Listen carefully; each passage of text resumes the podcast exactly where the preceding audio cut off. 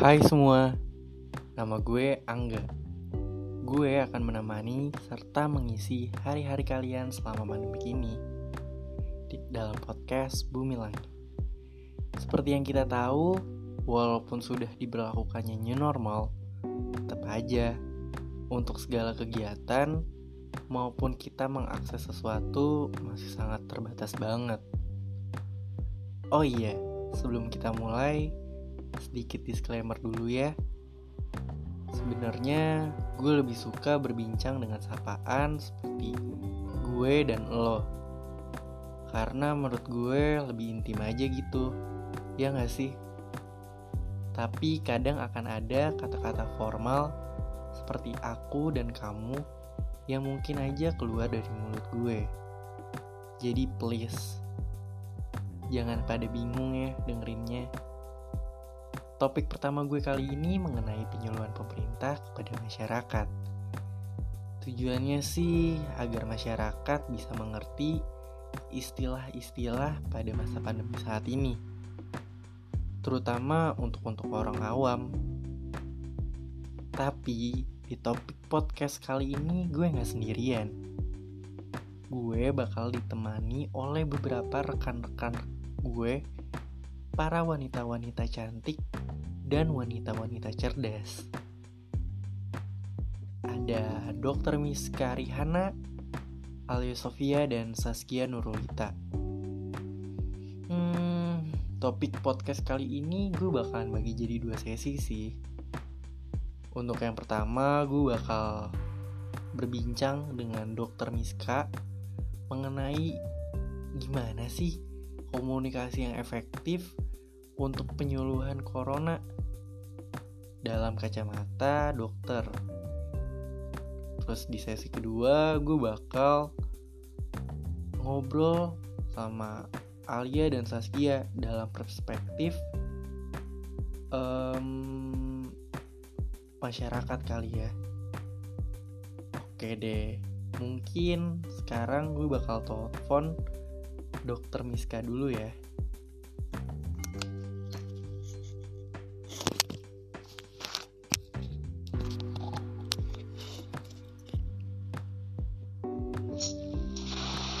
Halo dokter, selamat Halo. pagi. Iya.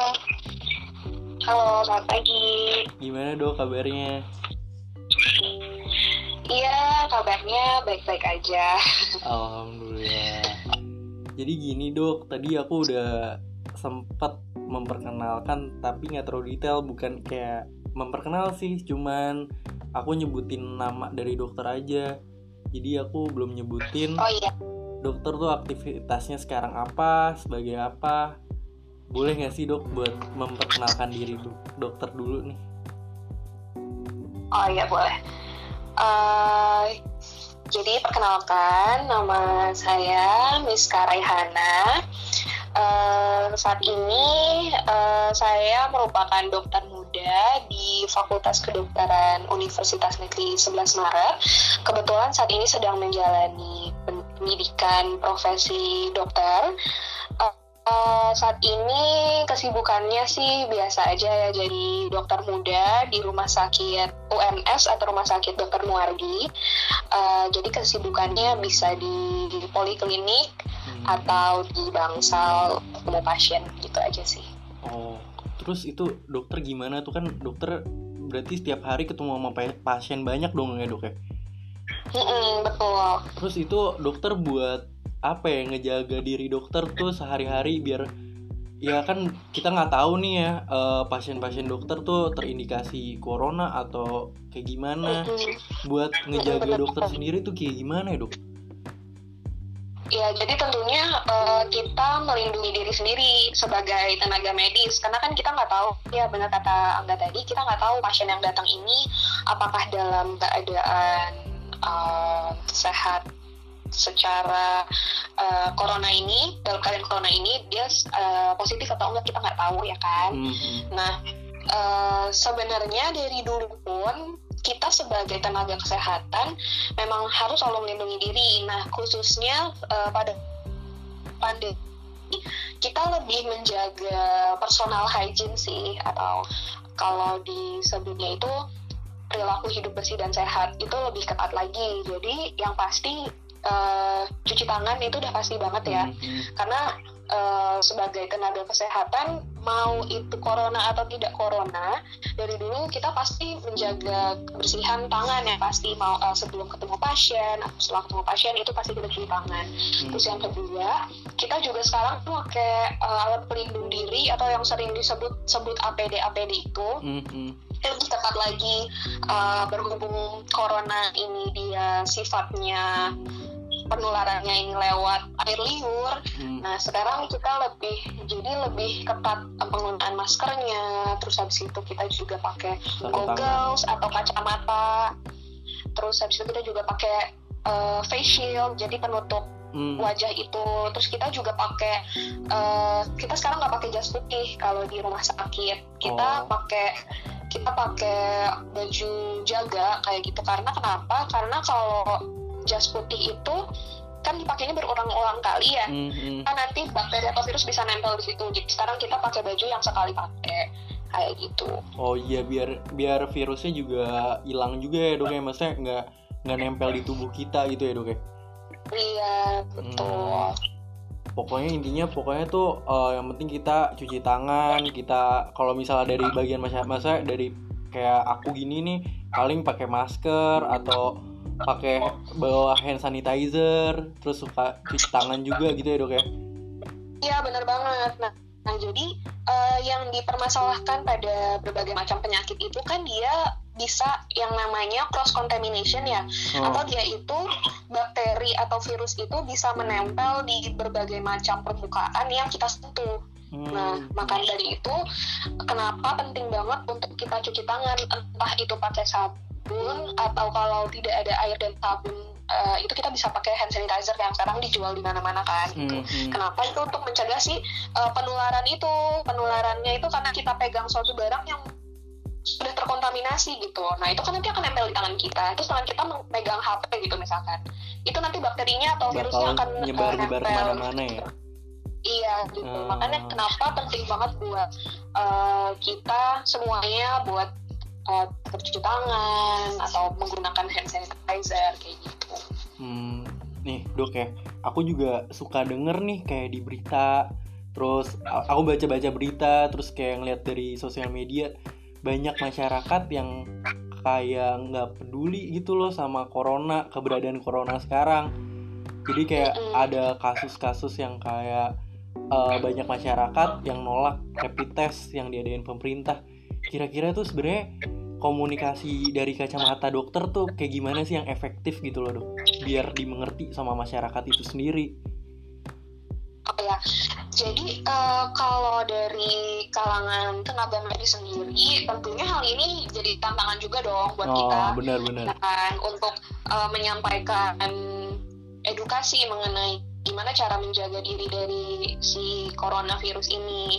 Nah, tapi kita sendiri dari tenaga medis itu enggak tentunya nggak henti-hentinya untuk melakukan eh, edukasi ke masyarakat. Hmm. Mungkin memang masyarakat lebih perlu menerima suatu hal contoh yang konkret dari penggambaran seberapa bahaya sih si virus ini gitu Hmm. menurutku karena kalau disampaikan dengan secara teoritis atau terlalu ilmiah itu nanti nggak sampai ke masyarakat jadi memang perlu eh, bentuk edukasi yang lebih konkret contohnya dan juga digambarkan dengan mungkin animasi atau gitu-gitu gambar-gambar ya. yang mudah diterima orang yang Oh. lebih eye catching kayak gitu Soalnya kan kayak misalnya kayak ODP terus kayak PSBB lockdown kan maksudnya itu kan bahasa-bahasa yang istilahnya belum tentu gitu semua orang ngerti sama bahasa kayak gitu. Sedangkan kan iya komunikasi yang sekarang relatif pakai kata-kata gitu kan ya dok ya. Dan iya jadi nyebabin kayak masyarakatnya juga istilah nggak ngerti gitu loh sama bahasa yang digunakan ya jadi dia kayak bodoh amat mungkin ya kali ya Hmm. mungkin karena terlalu banyak istilah kali ya Hmm. istilah-istilah ini kan juga lebih eh, familiar digunakan pada kita kita tenaga medis untuk mengelompokkan pasien-pasien seperti itu kan pada awalnya Hmm. untuk seperti OTG, ODP atau PDP kayak gitu. itu. Nah, mungkin pemerintah kenapa menyampaikannya seperti itu ya karena memang mungkin belum ada kalimat yang lebih lebih mudah untuk disampaikan ke masyarakat dan juga supaya tidak salah kaprah seperti itu karena dari OTG, ODP dan PDP sendiri kan itu mirip ya sebenarnya. Mm-hmm. Uh, jadi untuk menghindari salah kaprah makanya digunakan istilah-istilah uh, seperti itu. Tapi menurut uh, saya pribadi sendiri sih harusnya untuk memberikan edukasi ke masyarakat itu kita harus memberikan contoh yang lebih konkret. Kan hmm. banyak ya sekarang uh, masyarakat yang nggak percaya sama corona. adanya si corona ini, uh, uh. entah itu karena entah itu karena dari faktor internal atau eksternal yang mempengaruhi mereka jadi nggak percaya. Tapi, uh, eh, ada juga nih beberapa yang aku baca ya di media sosial kayak yeah. orang-orang nggak percaya dibilang katanya sebenarnya corona corona itu nggak ada gitu. Itu hanya ah, iya, buat-buatan. Iya buat buatannya elit global atau yang atau kayak konspirasi gitu. gitu jadinya ya. Iya kayak konspirasi. Nah balik lagi. Sebenarnya itu kan si corona ini kan sebuah virus. Uh, -huh. Virus ini partikelnya sangat kecil dan tidak bisa dilihat secara kelanjut mata. mata gitu. Harus dilihat dengan alat tertentu uh, seperti itu kan. Tapi sebenarnya nyata adanya. Karena kalau misalkan dia nggak ada kenapa tenaga medis pada pakai baju astronot? Yeah, gitu uh, uh, bener, atau bener. kenapa sampai dilakukan PSBB gitu kalau memang dia beneran nggak ada gitu. Balik aja contoh konkretnya seperti ini berarti, uh, virus berarti contohnya virus oh, ya. gimana berarti sebenarnya tuh lebih harus kayak edukasinya yang bener yang tadi dokter bilang ya contoh yang konkret yang bener ada jangan kayak pakai bahasa-bahasa yang istilahnya kurang dimengerti ya dok ya Iya, mungkin harus diikuti dengan gambar-gambar uh, yang lebih interaktif gitu ke masyarakat supaya masyarakat ngerti. Contohnya gini, um, HIV, HIV itu juga virus kan? Oh, benar. HIV itu uh, human immunodeficiency virus dia bisa menyebabkan AIDS. Yeah. itu udah ada udah lama banget dan orang-orang percaya kan adanya HIV dan yeah, AIDS percaya, itu. percaya. tapi apakah orang bisa melihat apakah bentuk si HIV ini ada? Enggak. Nggak bisa kan? Nggak bisa. Dan, tapi apakah orang HIV ini beneran ada? Beneran kan? Beneran. Nah sama itu halnya dengan si COVID ini. Kita nggak bisa melihat bentuknya COVID kayak apa, tapi beneran ada COVID itu dan beneran mematikan sama halnya seperti HIV AIDS seperti itu. Hmm, cuman ya gimana ya dok kayak sebenarnya kayak menurut saya juga menurut aku tuh kayak aku ngeliat di berita berita juga udah suka ngeluarin infografis terus menerus cuman tetap aja gitu loh kayak masih ada masyarakat yang nakal nggak ngikutin protokol kesehatan maksudnya kan padahal kalau misalnya dia ngikutin protokol kesehatan dia bakal memutuskan rantai penyebaran dari virus corona itu sendiri kan ya dok ya? Iya benar banget. Ini mungkin aku juga uh, sebenarnya agak lebih uh, memilih uh, apabila pemerintah tuh mewajibkan gitu harusnya. Hmm. bukan cuma uh, menganjurkan. Karena kalau orang dianjurkan aja kan orang akan nggak peduli gitu kan lebih cenderung ke sana. Dan orang-orang di Indonesia ini banyaknya tuh belum terlalu percaya dengan keberadaan dan seberapa uh, berbahaya si penyakit ini. Sampai mungkin mereka baru akan percaya kalau diri sendiri atau keluarga terdekatnya yang kena kayak hmm. gitu.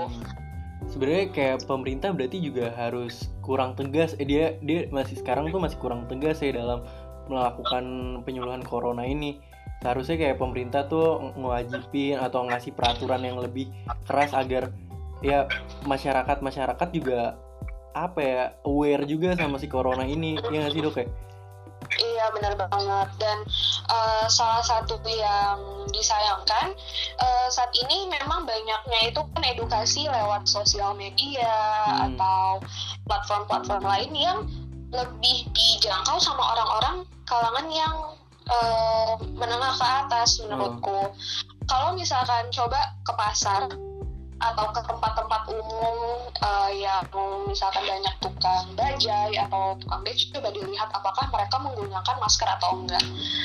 Kalau di pasar bisa dilihat mungkin lebih dari 50% orang-orangnya pakai masker atau penggunaan maskernya itu nggak benar. Padahal uh, penyebarannya itu bisa lewat situ kan gitu. Dari dari, dari batuk pedagang pasar Iya. terus di situ jualan lagi terus habis itu kena orang-orang lain yang sebenarnya udah menjaga kayak gitu. Hmm, bener sih dok bener banget tuh. Mungkin ya eh, apa ya sosialisasi buat masyarakat yang menengah ke bawah tuh sebenarnya harus lebih diperhatiin ya dok ya. Soalnya karena mungkin ya harus dilakukan edukasinya itu langsung. Eh, langsung datang ke orangnya biar eh, apa ya dapat rasa emosionalnya tuh lebih ada ya dok ya? Iya betul. Nih dok kan eh, kalau dari kayak teman-teman aku kan sekarang kayak sekarang udah new normal. Mereka udah oh udah transisi nih segala macam akhirnya pada keluar segala macam cuman kan kalau misalnya kayak makan gitu kan lepas masker dong pasti Mhm. itu gimana tuh dok? Bakal bakal ketular atau kayak gimana? Maksudnya ya walaupun kita nggak tahu kalau misalnya dia terindikasi corona atau enggak. Cuman kalau misalnya dia udah lepas masker kan berarti bakal bisa tertular tuh dok. Itu gimana tuh?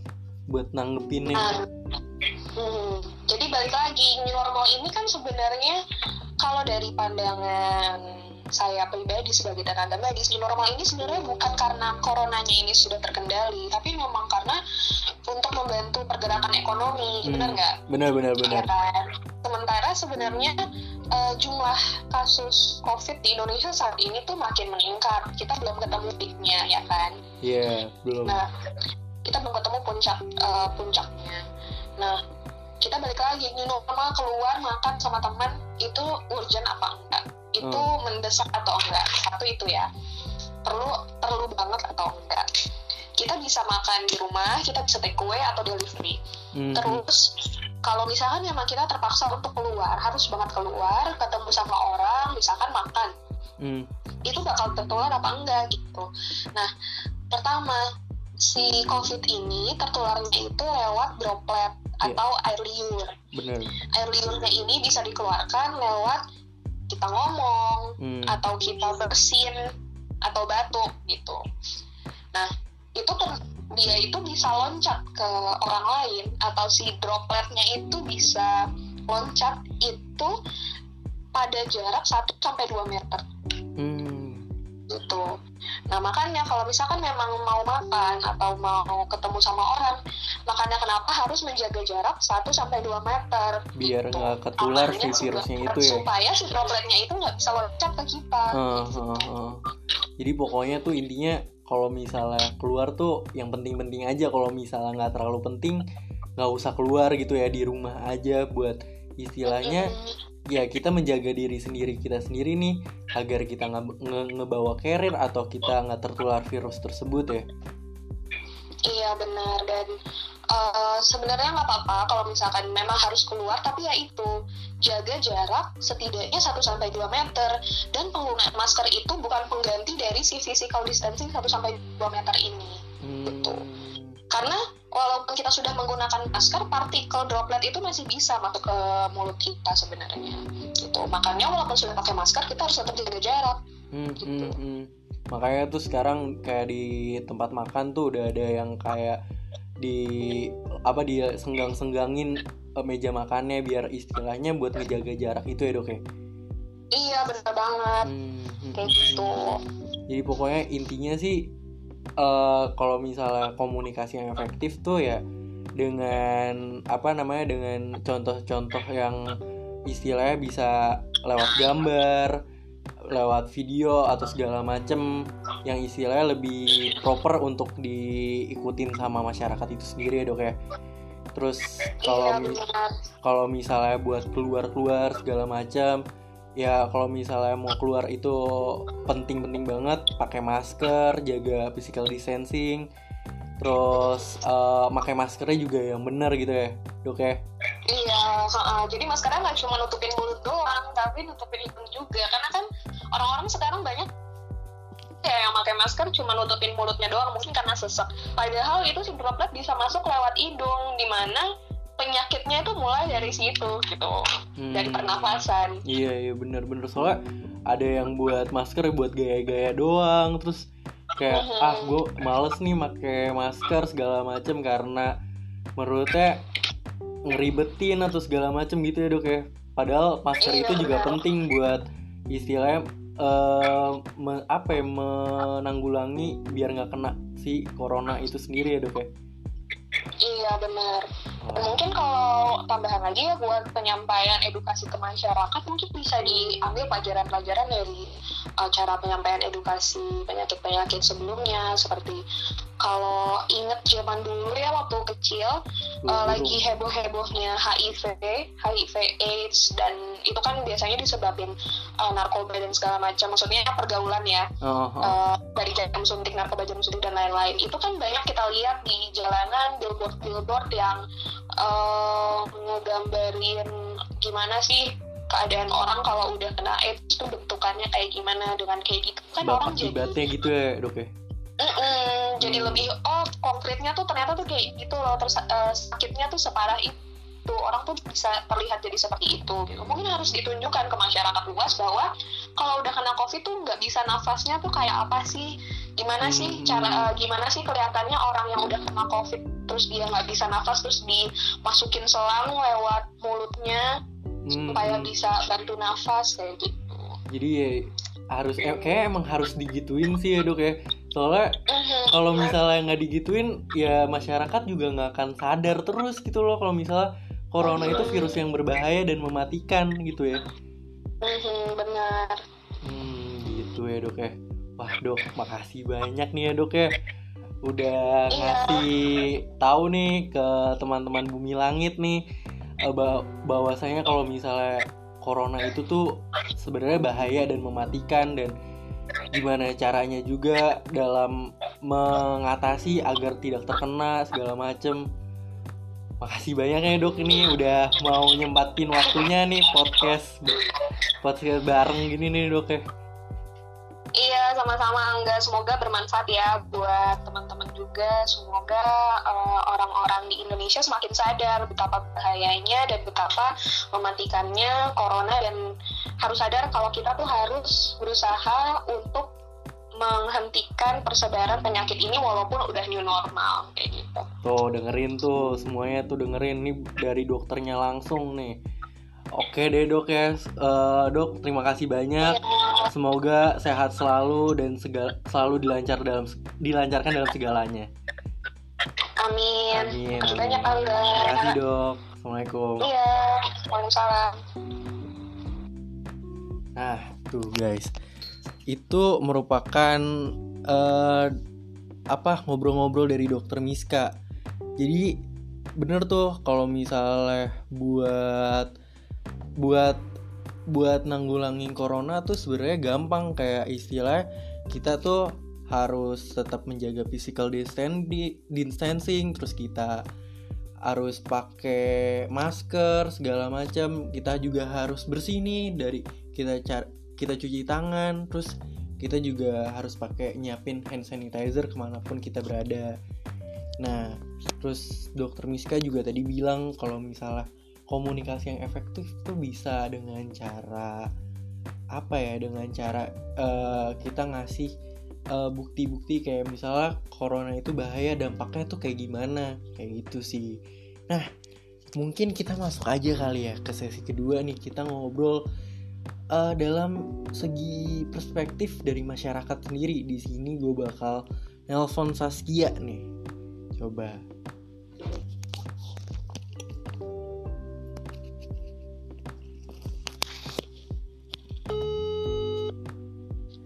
Halo Saskia, apa kabar? Selamat Halo. pagi. Ah, Baik Angga. ini gue tadi udah ngobrol-ngobrol nih sebelumnya sama dokter Miska mengenai gimana sih komunikasi yang efektif dalam kacamata dokter. Nah, dia sih bilang kalau misalnya eh, buat komunikasi yang efektif tuh kayak eh, naro apa ya naro bukti-bukti yang konkret. Kayak contohnya eh, kita apa eh, pemerintah lebih apa ya lebih ngasih eh, dampak buruk dari corona itu sendiri itu kayak gimana? Kayak misalnya naro di billboard eh, dampak dari corona tuh kayak misalnya sesak napasnya tuh kayak gimana? Istilahnya biar eh, masyarakat kita tuh pada aware kan? Istilahnya kalau misalnya kita ngasih kayak uh, case-case-nya bertambah bertambah terus kayak tetep aja nggak peduli kalau misal kita ngasih dampaknya langsung kayak gitu kita ngasih tahu langsungnya kayak gimana mungkin masyarakat Mhm. bakal lebih aware sih kayak gitu kata dokter Miska Iya. kalau gini kalau misal dari masyarakat kan kayak misal dari lo kan eh, mahasiswa kan ya lo ngelakuin maksudnya ya lo pasti bakal punya teman-teman yang sering ngajak lo main ya gak sih itu Iya gimana pastinya. gimana tuh kalau misal nanggepin temen-temen lo yang ngajakin main Kalau ngajakin main sih itu eh, apa ya? Kalau untuk sekarang-sekarang ini mungkin normal ini masih eh, apa? banyak yang ngajakin. Tapi yang pas waktu awal-awal awal-awal kita mau PSBB tuh ah, itu tuh eh, apa pada takut gitu tapi mungkin pas waktu belum diberlakukan ini normal banyak tuh yang ngajak main sampai-sampai gue sendiri tuh kayak aduh lo kok gila ya? Masih aja eh, apa tuh mau ngajakin main. Dan mereka tuh keadaannya tuh yang kayak udahlah selalu aja gitu. Yang penting kita naatin peraturan gitu Oh, kan kayak cuma PSBB ini gitu. mereka tuh masih kayak lebih kayak nggak peduli ya gak sih? Kayak iya nggak peduli ah, akan lah. bahayanya gitu. Kita juga maksudnya Mm-mm. percentage kita sebagai remaja juga kecil ya gak sih?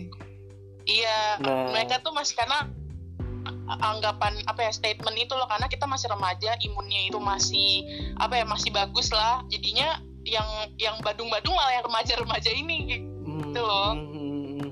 soalnya banyak juga sih khas kayak teman-teman gue ya yang kayak kayak kalau gue kan istilahnya belum berani buat keluar rumah ya kalau menurut Iya. gue itu nggak penting-penting banget gue nggak akan keluar tapi kalau misalnya kayak buat main-main-main gitu aduh nggak dulu deh soalnya karena menurut gue kayak gue udah di rumah tuh udah dua bulanan terus tiba-tiba ya. gue keluar terus ketemu sama temen-temen tiba-tiba temen-temen gue nggak pakai masker. Sedangkan corona kan nyebarinnya dari droplet dari air liur segala macem kan. Iya. Jadi menurut gue kayak aduh gimana ya gimana ya? pengen sih pengen main sih cuman gimana ya takut juga kalau gue ngebawa carrier ke rumah. Kalau lo gimana tuh kalau gue sama sih kayak lo kayak keluar itu kalau gue keluar itu gak bareng sama temen. Barangnya pasti sama orang tua. Barangnya Ah. sama orang tua dan orang tua tuh langsung kayak beliin masker itu udah kayak ada kali lusinan di rumah. Dan waduh beli bener-bener lusinan dan eh, di komplek gue ini kan RT-nya itu sering ngebagi-bagi masker alhamdulillahnya. Oh. jadi masker kain gitu loh. Jadi kayak dan nyokap- lebih interaktif juga ya dari komplek lo sendiri ya? uh-uh. Iya, dan gue mak, mak gue juga ngebeliin kayak hand sanitizer apa dan sampai waktu itu pernah kan pas waktu awal-awal kita PSBB itu hand sanitizer itu kan susah banget ya barang langka ya. Ah, dan gue sampai nyolong banget. di kamar abang gue gitu, sampai Ah. nyolong gue. waduh Abang gue jadi kayak beli apa satu liter kayak alkohol gitu dijadiin untuk apa spray apa spray hand sanitizer sampai gue kayak mas boleh nggak bagi gitu? Hmm. baginya tapi banyak. Ya udah deh sampai di uh, kakak gue sampai kayak bilang ya udah deh pasrah aja deh ambil deh lu maunya berapa gitu. Ya mungkin ya mau buat adenya apa sih yang enggak ya nggak sih? Lagian ini kan juga iya sih. buat mencegah corona juga gitu kan. Oh iya iya. Sas eh, kayak eh, ada teman kita satu lagi ya yang bakal co- join ke sini buat ngom- Iya. ngobrol-ngobrol podcast. Coba ya gue undang ya. Ada Oke. Alia sos sas eh, sos iya maaf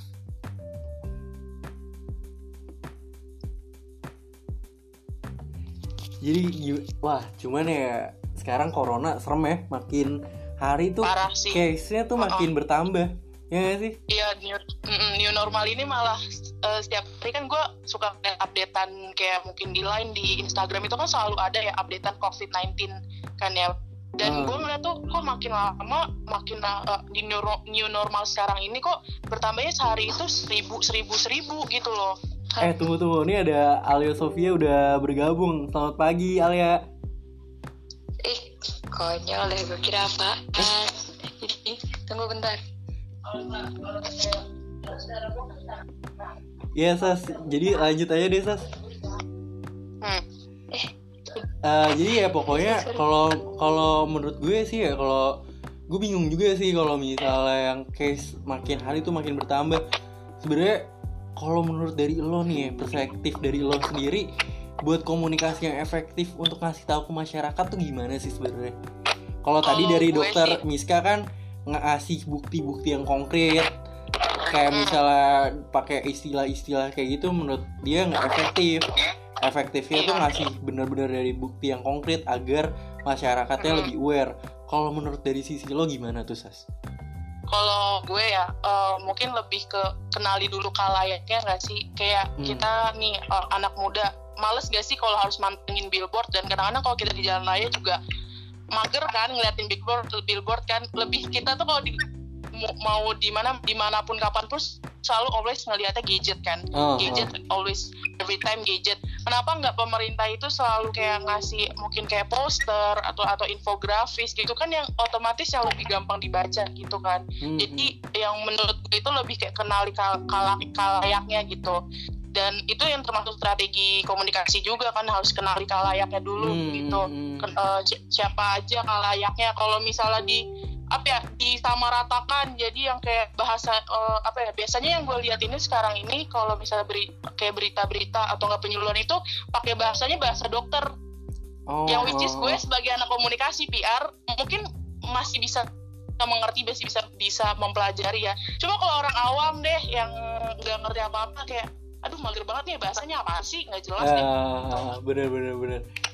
Sebenarnya ya berarti Ya kan? intinya kalau dari lo tuh lo harus kenali dulu halayaknya karakteristiknya gimana biar iya pesan yang benar. kita sampein tuh nyampe ke penerimanya kayak gitu ya. iya menurut gue tuh kayak gitu itu kan udah Hmm. termasuk dari strategi komunikasi juga kan Oh, oh. cuman ya sebenarnya ya gimana lagi balik ke pemerintah itu sendiri kayak gue tuh kadang suka mikir gitu loh ini pemerintah pemerintahan tuh nggak punya tim public relation apa buat dia ngelakuin press release mengenai corona atau uh-uh. segala macem maksud gue Heeh. kalau misalnya anak PR yang menyampaikan menurut gue komunikasinya bakal efektif gitu loh karena dia tahu teori komunikasi tahu Iya, strateginya betul. kayak gimana bukan sekedar ngomong doang gitu. Iya betul. Dan biasanya kan yang selalu nyampein itu menteri kesehatannya kan?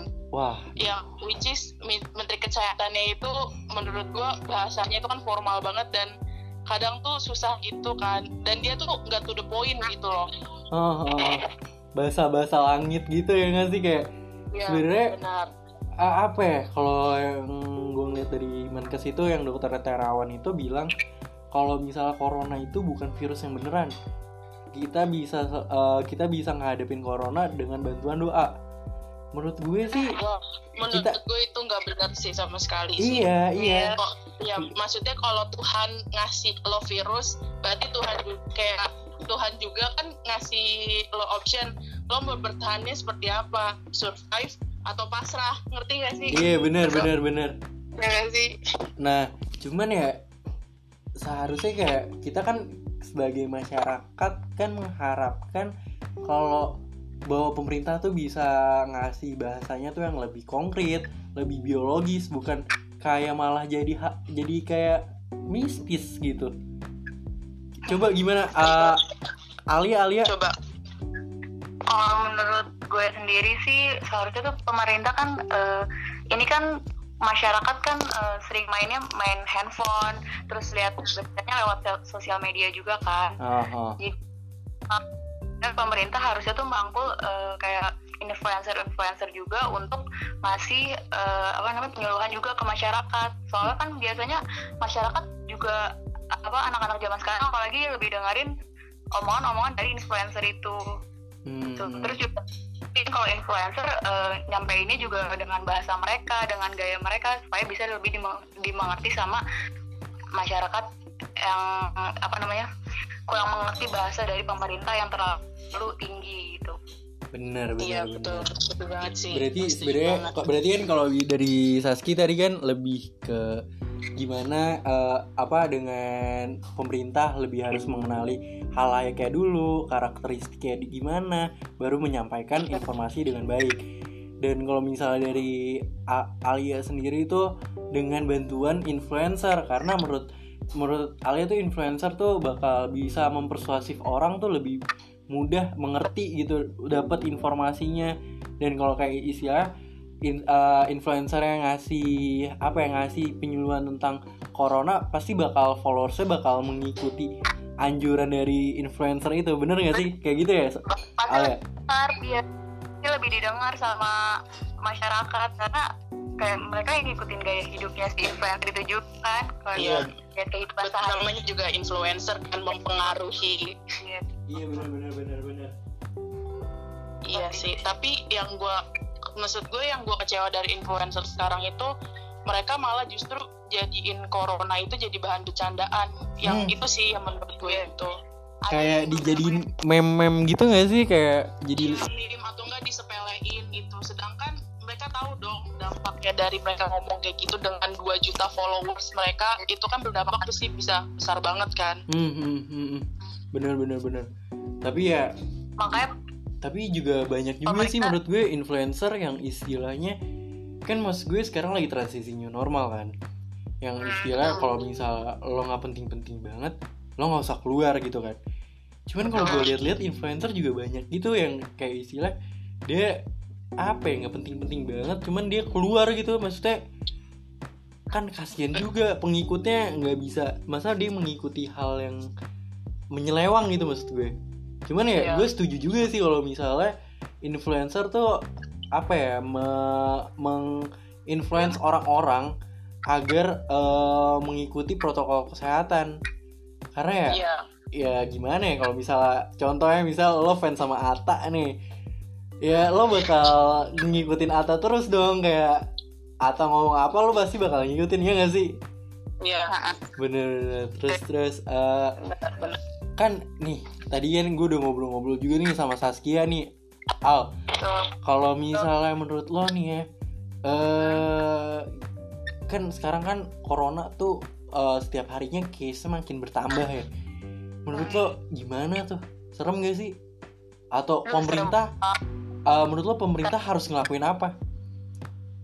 Iya, yang tadi dia tuh harus ngeperbaikin eh, apa strategi komunikasinya tuh harus dibenerin ke masyarakat juga bahasanya jangan terlalu tinggi, terus eh, apa namanya penyuluhan penyuluhannya lebih banyak lagi ke masyarakat, tapi dengan bahasa yang apa yang bahasa yang gampang di yang mudah dimengerti oleh masyarakat gitu. Terus Hmm. juga aturan-aturannya tuh di- diperketat bukan cuman kayak eh, SBB tapi apa banyak orang yang masih ngelanggar terus juga nggak dapat oh, hukuman apa apa gitu menurut gue Seharus- itu kayak sama seharusnya Sama si ibu. pemerintahnya ngasih hukuman ya biar istilahnya jerak si Oh. masyarakatnya ya Kurang keras lah ya. Eh, iya kayak PSBB Tapi- itu masih banyak melanggar kayak naik mobil yang harusnya satu mobil misalnya cuma berempat tapi diisi enam tuh masih banyak kayak gitu terus banyak yang kemarin pas apa mau banyak yang mudik itu masih kayak masih banyak deh hmm, hmm, hmm, Iya. bener bener Gue juga sampai rela nggak mudik sih. Wah, Cuma gue juga, gue juga, gue nggak berani sebenarnya soalnya Iya, gue juga nggak berani. gue nggak mau apa ya, maksudnya ya kasihan aja gitu kok. Maksudnya gue nggak kasihan sama diri gue sendiri. Gue lebih mikirin ke orang tua gue gitu loh. Kalau misalnya gue ngebawa carrier atau segala macem, kayak gitu sih. Iya sih, benar-benar. Nah, Benar sih. nih lo kan lo lo kan sekarang eh, tahu dong protokol kesehatan kayak gimana. Yep. Kalau misal lo keluar tuh harus apa? Coba dong, boleh dong ngasih tahu ke pendengar-pendengar Bumi Langit nih. Gimana cara lo buat keluar, buat ngikutin protokol kesehatannya tuh kayak gimana caranya? Boleh dari Saski dulu deh. Kalau gue yang pribadi itu selalu gunain lengan panjang kalau bisa. Hmm, Terus hindari aja. menyentuh muka, pakai masker always. Hmm. dan bawa, selalu bawa deh kalau enggak hand sanitizer kecil gitu selalu gitu dan hindari juga kontak langsung sama orang gue tuh sampai yang kalau di jalan ketemu sama temen gue aja pun yang udah bener lama banget rasanya pengen meluk aja tuh susah banget gitu Ah, kayak aduh, nggak bisa itu jadi tuh itu tertahan banget gitu loh bahkan harus sabar-sabar aja lah ya gitu. Iya ya. sabar-sabar aja kayak gitu karena kan ya dan menurut gua saran juga ya buat gua untuk pemerintah kayak eh, dibenerinlah coba strategi komunikasinya karena kan strategi komunikasi itu perencanaannya efektif dalam menyampaikan pesan sehingga mudah dipahami oleh komunikasi kan Hmm, hmm, benar dan benar, bisa benar. menerima apa yang disampaikan sehingga bisa mengubah sikap dan perilaku seseorang gitu menurut gue. Oke oke. Nah, eh, apa namanya kalau dari lo gimana Al? kalau menurut gue yang pasti eh, kalau misalnya udah tahu tempat itu ramai mending gak usah di apa datengin. Terus juga yang yang pertama hindari tempat ramai terus harus selalu pakai masker penting. Karena kalau misalnya kita nggak pakai masker itu penularannya bisa cepat banget. Kalau emang ternyata lawan apa namanya yang kita temuin itu ternyata positif terus juga bawa hand sanitizer. Paling itu sih intinya. Soalnya kalau misalnya kita uh, dari yang paling dasar aja nggak kita lakuin gimana yang apa yang lebih lebih buat ngejaga diri kita. Yang penting tuh masker sama hand sanitizer dan jauhi tempat yang ramai gitu. Nih berarti pokoknya intinya harus pakai masker terus bawa hand sanitizer ke mana pun kita pergi.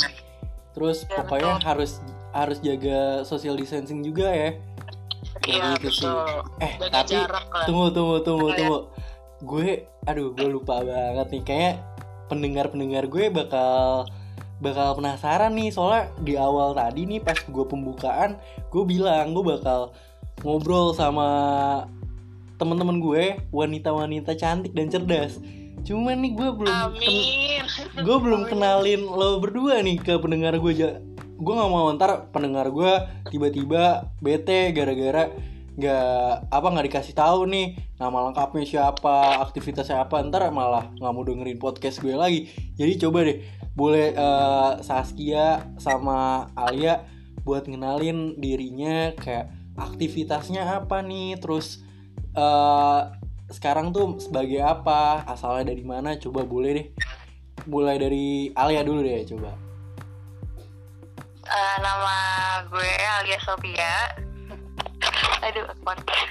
nah gue ini eh, aktivitasnya sebagai mahasiswa di Universitas Al Azhar Ah, dan aktif di organisasi kemasyarakatan kemasyarakatan untuk penanganan COVID-19 wah keren Tuh. banget tuh berarti lo eh, aktif juga ya di dalam organisasi masyarakat apalagi dalam koro eh, dalam COVID-19 ini sekarang ya sekarang Iya, betul. Oke, terus boleh dari Saskia? Halo semuanya, nama gue Saskia Nurlita Kalwandari. Eh, apa kesibukan gue sekarang masih jadi mahasiswa sih di Universitas Al Azhar Indonesia, Oh, jurusan Public Relation. Terus kesibukan gue ini sekarang masih di nulis-nulis untuk berita-berita apa tentang penyebaran COVID-19 yang gue salurin di blog gue. hmm, itu wah berarti keren juga ya lo nulis-nulis di blog gitu. Iya, itu ada karena- pembaca lo nggak yang istilahnya ngedengerin terus tiba-tiba bi- eh, bilang mengenai komunikasi tentang corona gitu-gitu? Ada nggak?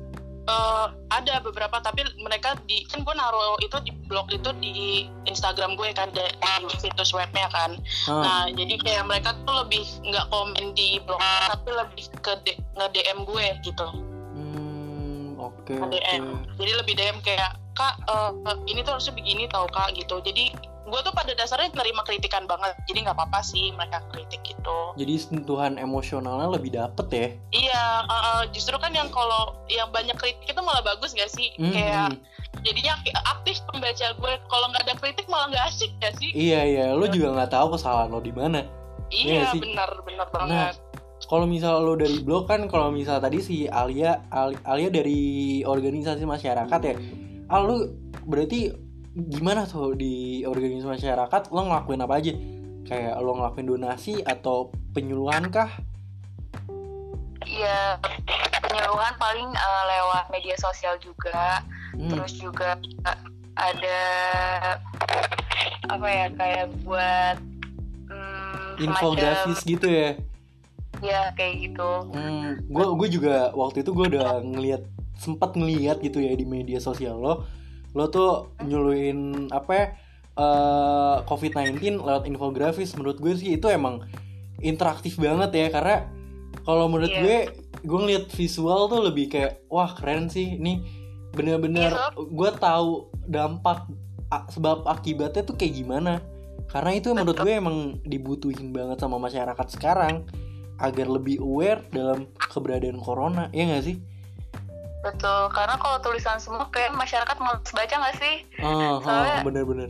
kurang malah kurang nyampe nanti pesannya. Bener bener Masyarakat. bener jadi lo harus lo yang sebagai organisasi masyarakat lo juga harus tahu nih kondisi masyarakat karakteristiknya kayak gimana gitu ya.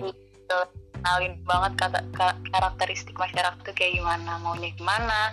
Jadi kita nyampeinnya juga masuk ke masyarakat. Hmm, bener bener wah jadi pokoknya nih ya guys. Gue udah ya menyimpulkan lah mau menyimpulkan kalau misalnya kayak dari Saskia itu gimana caranya komunikasi efektif tuh ya men harus mengenali karakteristiknya dulu harus kenal dulu gimana orangnya biar istilah informasinya nyampe.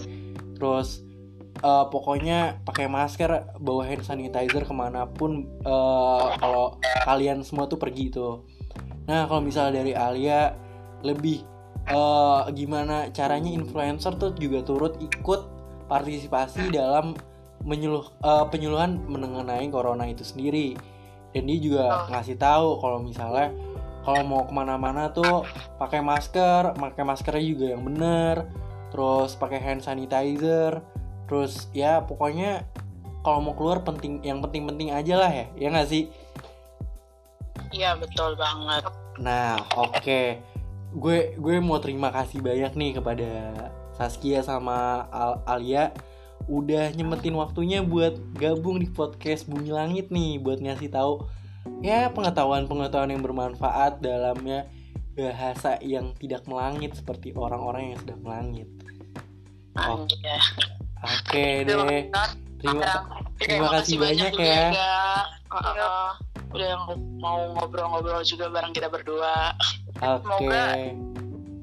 apa namanya podcast ini bisa didengar sama masyarakat supaya uh, penanganan COVID-19 ini cepat selesai. Tuh, amin, amin dengerin tuh semuanya ya. Oke, semuanya. Makasih ya. Makasih ya, sama-sama. Nah, guys, jadi abis gak kita berbincang-bincang sama rekan-rekan wanita yang pintar dan cerdas dan cantik keren banget ya. Ternyata emang bener mereka dari perspektif yang berbeda aja bisa ngasih apa ya ngasih uh, kisi-kisi ini buat kalian. Kalau buat ngejaga diri kalian di masa pandemi saat ini kayak kalian harus masker pakai masker yang baik pakai hand, hand sanitizer dibawa ke mana pun kalian berada. Terus kalian juga harus uh, bersih dari mana pun kayak kalian harus cuci tangan agar virus-virus corona sendiri itu tidak menyebar. Karena virus corona itu uh, menyebar dengan secara cepat. Kayak gitu sih. Jadi uh, gue Angga dari podcast Bumi Langit. Semoga bermanfaat dan semoga hari-hari kalian bahagia dan baik-baik aja sehat-sehat jaga kesehatan Dadah, sampai jumpa di episode berikutnya.